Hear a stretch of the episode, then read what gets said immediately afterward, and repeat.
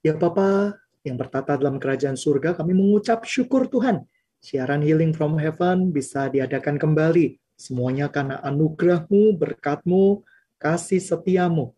Terima kasih Tuhan, kami percayakan semuanya dalam tangan kasihmu, perlindunganmu, pemeliharaanmu. Terima kasih Tuhan. Dalam nama Tuhan Yesus Kristus, kami berdoa dan mengucap syukur. Haleluya. Amin. Bapak Ibu yang dikasih Tuhan, saya mau bacakan kebenaran firman Tuhan di dalam Matius 5. Matius 5, 13 sampai dengan 16. Saya bacakan. Kamu adalah garam dunia. Jikalau garam itu menjadi tawar, dengan apakah ia diasinkan tidak ada gunanya selain dibuang dan diinjak orang. Kamu adalah terang dunia. Kota yang terletak di atas gunung tidak mungkin tersembunyi. Lagi pula orang tidak menyalakan pelita lalu meletakkannya di bawah gantang, melainkan di atas kaki Dian sehingga menerangi semua orang yang ada di rumah itu. Demikian hendaklah terangmu bercahaya di depan orang, supaya mereka melihat perbuatanmu yang baik, memuliakan Bapamu yang di surga. Bapak Ibu, adik-adik yang dikasih Tuhan, kita tahu bahwa garam itu adalah sesuatu yang sangat dibutuhkan di dalam kehidupan kita. Semua rasa menjadi hamba. Kekristenan dan makna kepada orang-orang di sekitarnya adalah kekristenan yang hamba. Ketika hidup kita penuh dengan luka, hidup kita penuh dengan kepahitan, kita tidak akan bisa menjadi garam dunia. Karena garam itu memberikan rasa, memberikan makna kepada orang-orang di sekitarnya. Kalau hidup kita penuh dengan kepahitan, penuh dengan luka hati yang tidak kunjung dibereskan, kita akan sukar sekali dipakai untuk menjadi alat kemuliaannya. Saya percaya mengampuni adalah sesuatu hal yang sangat sukar. Tetapi Tuhan mengatakan kita harus mengampuni. Artinya apa? Itu adalah perintah Tuhan. Walaupun sukar, kita harus melakukannya. Pengampunan tidak akan membuat kamu ditolong oleh banyak orang. Pengampunan tidak berarti orang yang kamu ampuni adalah orang-orang yang uh, akan membalas dengan kebaikan kepada kamu. Ketika engkau mengampuni seseorang, mungkin orang itu terus saja melakukan hal-hal yang tidak baik. Terus saja melakukan perbuatan-perbuatan yang tidak benar. Terus saja melakukan kejahatan-kejahatan. Tetapi mengampuni, memulihkan hidupmu bersama dengan Kristus. Oleh karena itu pengampunan penting. Pengampunan bukan berbicara tentang orang lain. Pengampunan berbicara tentang diri kita. Banyak orang yang belum bisa mengampuni masa lalu mereka banyak orang yang belum bisa mengampuni masa depan mereka bahkan. Banyak orang yang percaya bahwa diri mereka diselamatkan, tetapi mereka tidak tinggal di dalam kebenaran. Mereka tidak mengerjakan keselamatan dengan takut dan gentar akan Tuhan. Nah, Bapak Ibu yang dikasih Tuhan, saudara-saudari yang dikasih Tuhan, begitu kita bertekad untuk hidup benar di hadapan Tuhan, iblis itu tidak rela. Iblis tidak terima. Oleh karena itu dia sedaya upaya, sedaya kekuatan akan berusaha untuk menghancurkan kita, sedaya upaya berusaha untuk membelokkan jalan-jalan kita. Tetapi kita harus lawan iblis itu dengan iman yang teguh. Sebab ketika kita melawan iblis itu dengan iman yang teguh, maka iblis itu akan lari, iblis itu akan mundur. Dan saya percaya kita akan bisa menyaksikan kemuliaan Tuhan lewat hidup kita sendiri. Bapak Ibu yang dikasih Tuhan, Ketika kita berbuat dosa, satu saja, itu seperti membuka celah kecil. Dan ketika kita tidak segera membereskannya, maka celah-celah dosa yang lebih besar akan mengintai hidup kita. Dan itu akan menjadi berkelanjutan. Nah, kalau kita betul-betul di muka bumi ini, saya percaya tidak ada seorang pun yang bisa bebas dari dosa. Tetapi dengan Tuhan Yesus, kita mampu melawan dosa. Dengan Tuhan Yesus kita mampu untuk berjuang mengatasi dosa dan kelemahan yang begitu merintangi kita di hadapan Tuhan. Ada begitu banyak anak-anak Tuhan, 40 tahun, 50 tahun melayani Tuhan, tetapi tidak kunjung menjadi garam dunia. Hidupnya menjadi pahit, susah untuk melihat orang lain bahagia, susah untuk memberikan penghargaan kepada orang lain, susah untuk memberikan reward kepada orang lain, karena hidupnya penuh dengan luka. Orang yang hidupnya penuh dengan luka, dia akan kesusahan untuk memberikan penghargaan kepada orang lain. Karena dia tidak menghargai dirinya sendiri sebagai ciptaan Tuhan, sebagai orang yang sudah ditebus dari dosa-dosa yang lama dan masuk di dalam anugerah Tuhan yang luar biasa. Oleh karena itu Bapak Ibu yang dikasih Tuhan, orang-orang yang bermasalah dengan dirinya, bermasalah dengan masa lalunya, itu menjadi orang Kristen yang kena stroke, orang Kristen yang lumpuh, orang Kristen yang tidak bisa melakukan perkara-perkara yang besar untuk kemuliaan nama Tuhan. Oleh karena itu stroke-nya harus sembuh terlebih dahulu. Saya percaya Bapak Ibu yang dikasih Tuhan, luka hati membuat kita nggak bisa jadi garam. Luka hati membuat hidup kita penuh dengan kegelapan. Kita nggak bisa menjadi saksi yang hidup, berkat yang mulia. Kita nggak bisa menjadi terang. Karena? Karena kegelapan ada di dalam hidup kita. Tuhan katakan kamu adalah garam dunia. Jikalau kamu sudah tidak asin lagi, untuk apa? Kamu akan diinjak-injak orang. Garam berbicara rasa.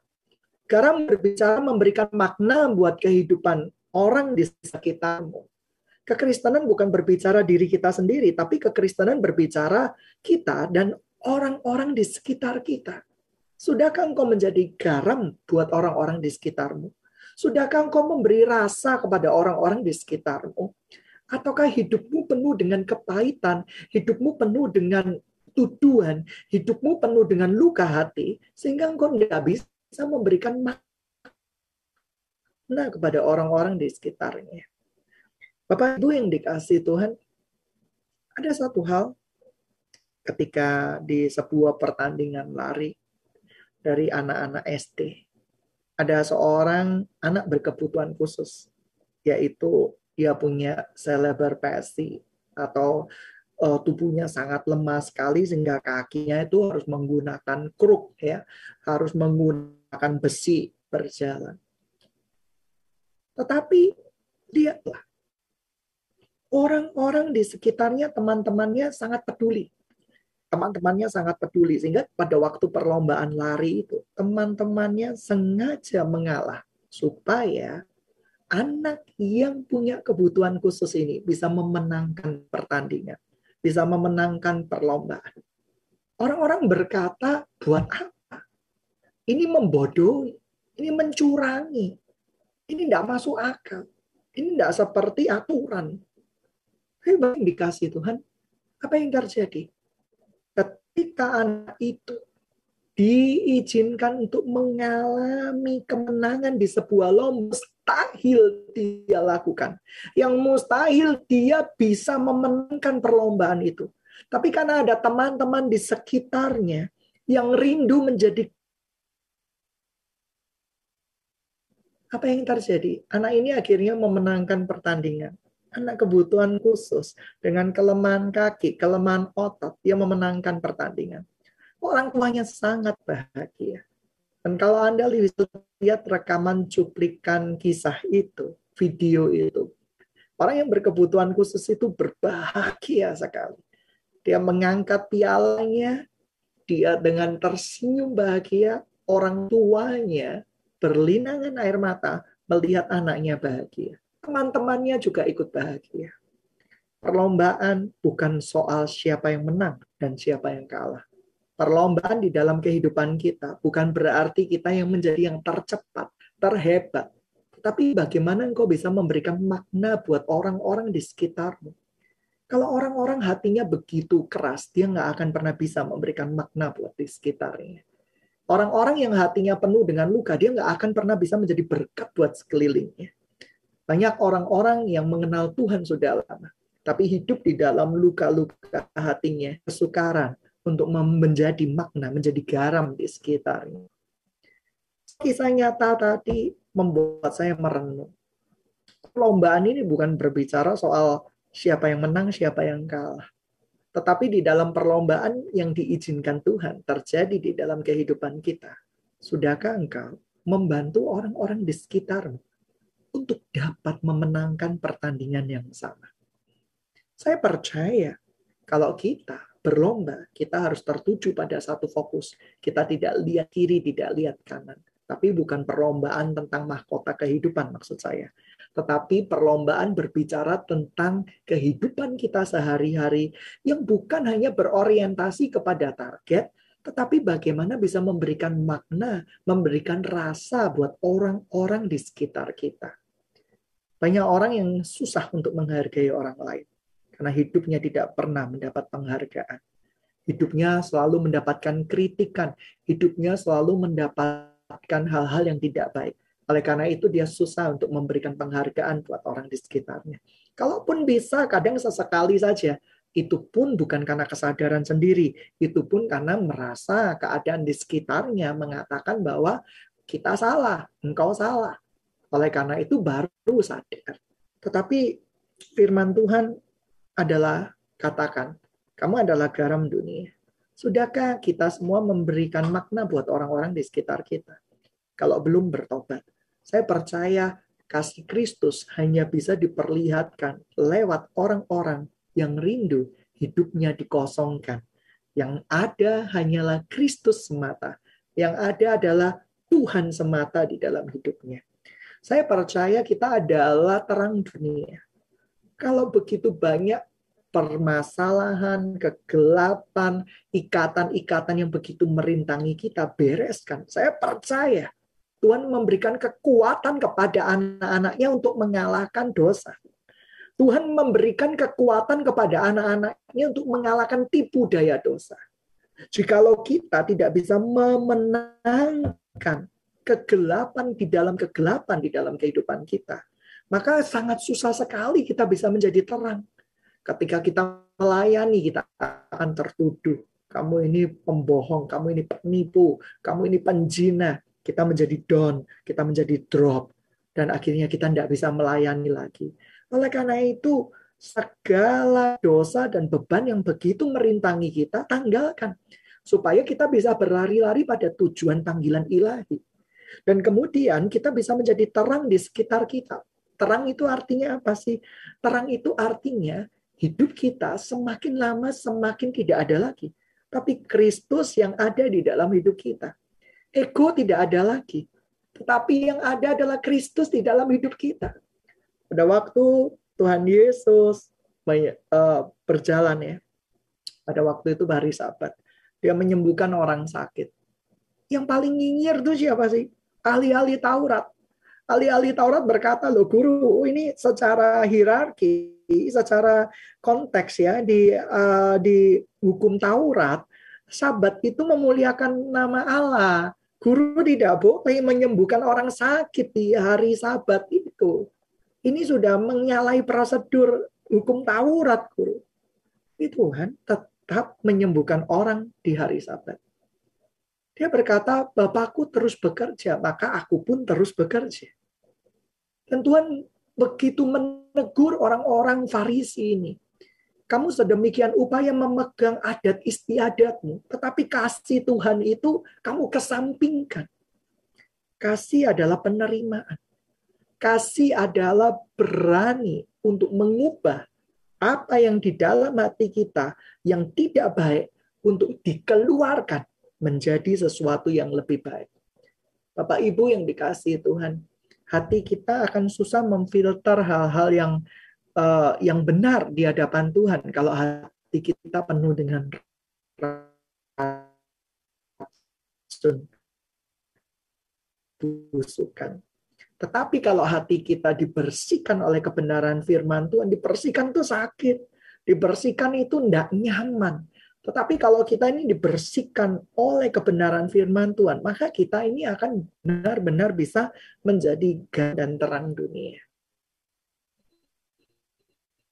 Hari ini saya tidak akan terlalu banyak uh, doa-doa yang perlu didoakan. Dan saya percaya tema yang Tuhan berikan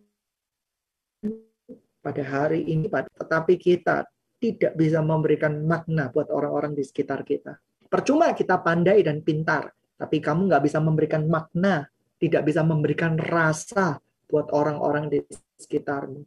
Percuma kita terkenal, jabatan kita banyak, gelar kita banyak, kalau engkau nggak berdampak apa pun buat sekelilingmu. Saya percaya kalau kita betul-betul memahami arti garam dan terang dunia ini, kita mau memiliki hatinya Tuhan. Oh, yang luar biasa. Orang-orang di sekitar kita akan melihat Kristus di dalam diri kita. Orang-orang di sekitar kita akan memuliakan Bapa di surga karena keberadaan kita di tengah-tengah mereka. Jangan sampai ketika keberadaan kita di tengah-tengah mereka, orang-orang melihat kita menjadi orang-orang yang sukar. Sukar untuk menghargai orang. Sukar untuk berterima kasih. Sukar untuk memaafkan. Sukar untuk mengampuni. Sukar untuk betul-betul berintrospeksi diri sukar untuk ditegur. Segala sesuatu kita menjadi orang-orang yang sukar, orang-orang yang sulit.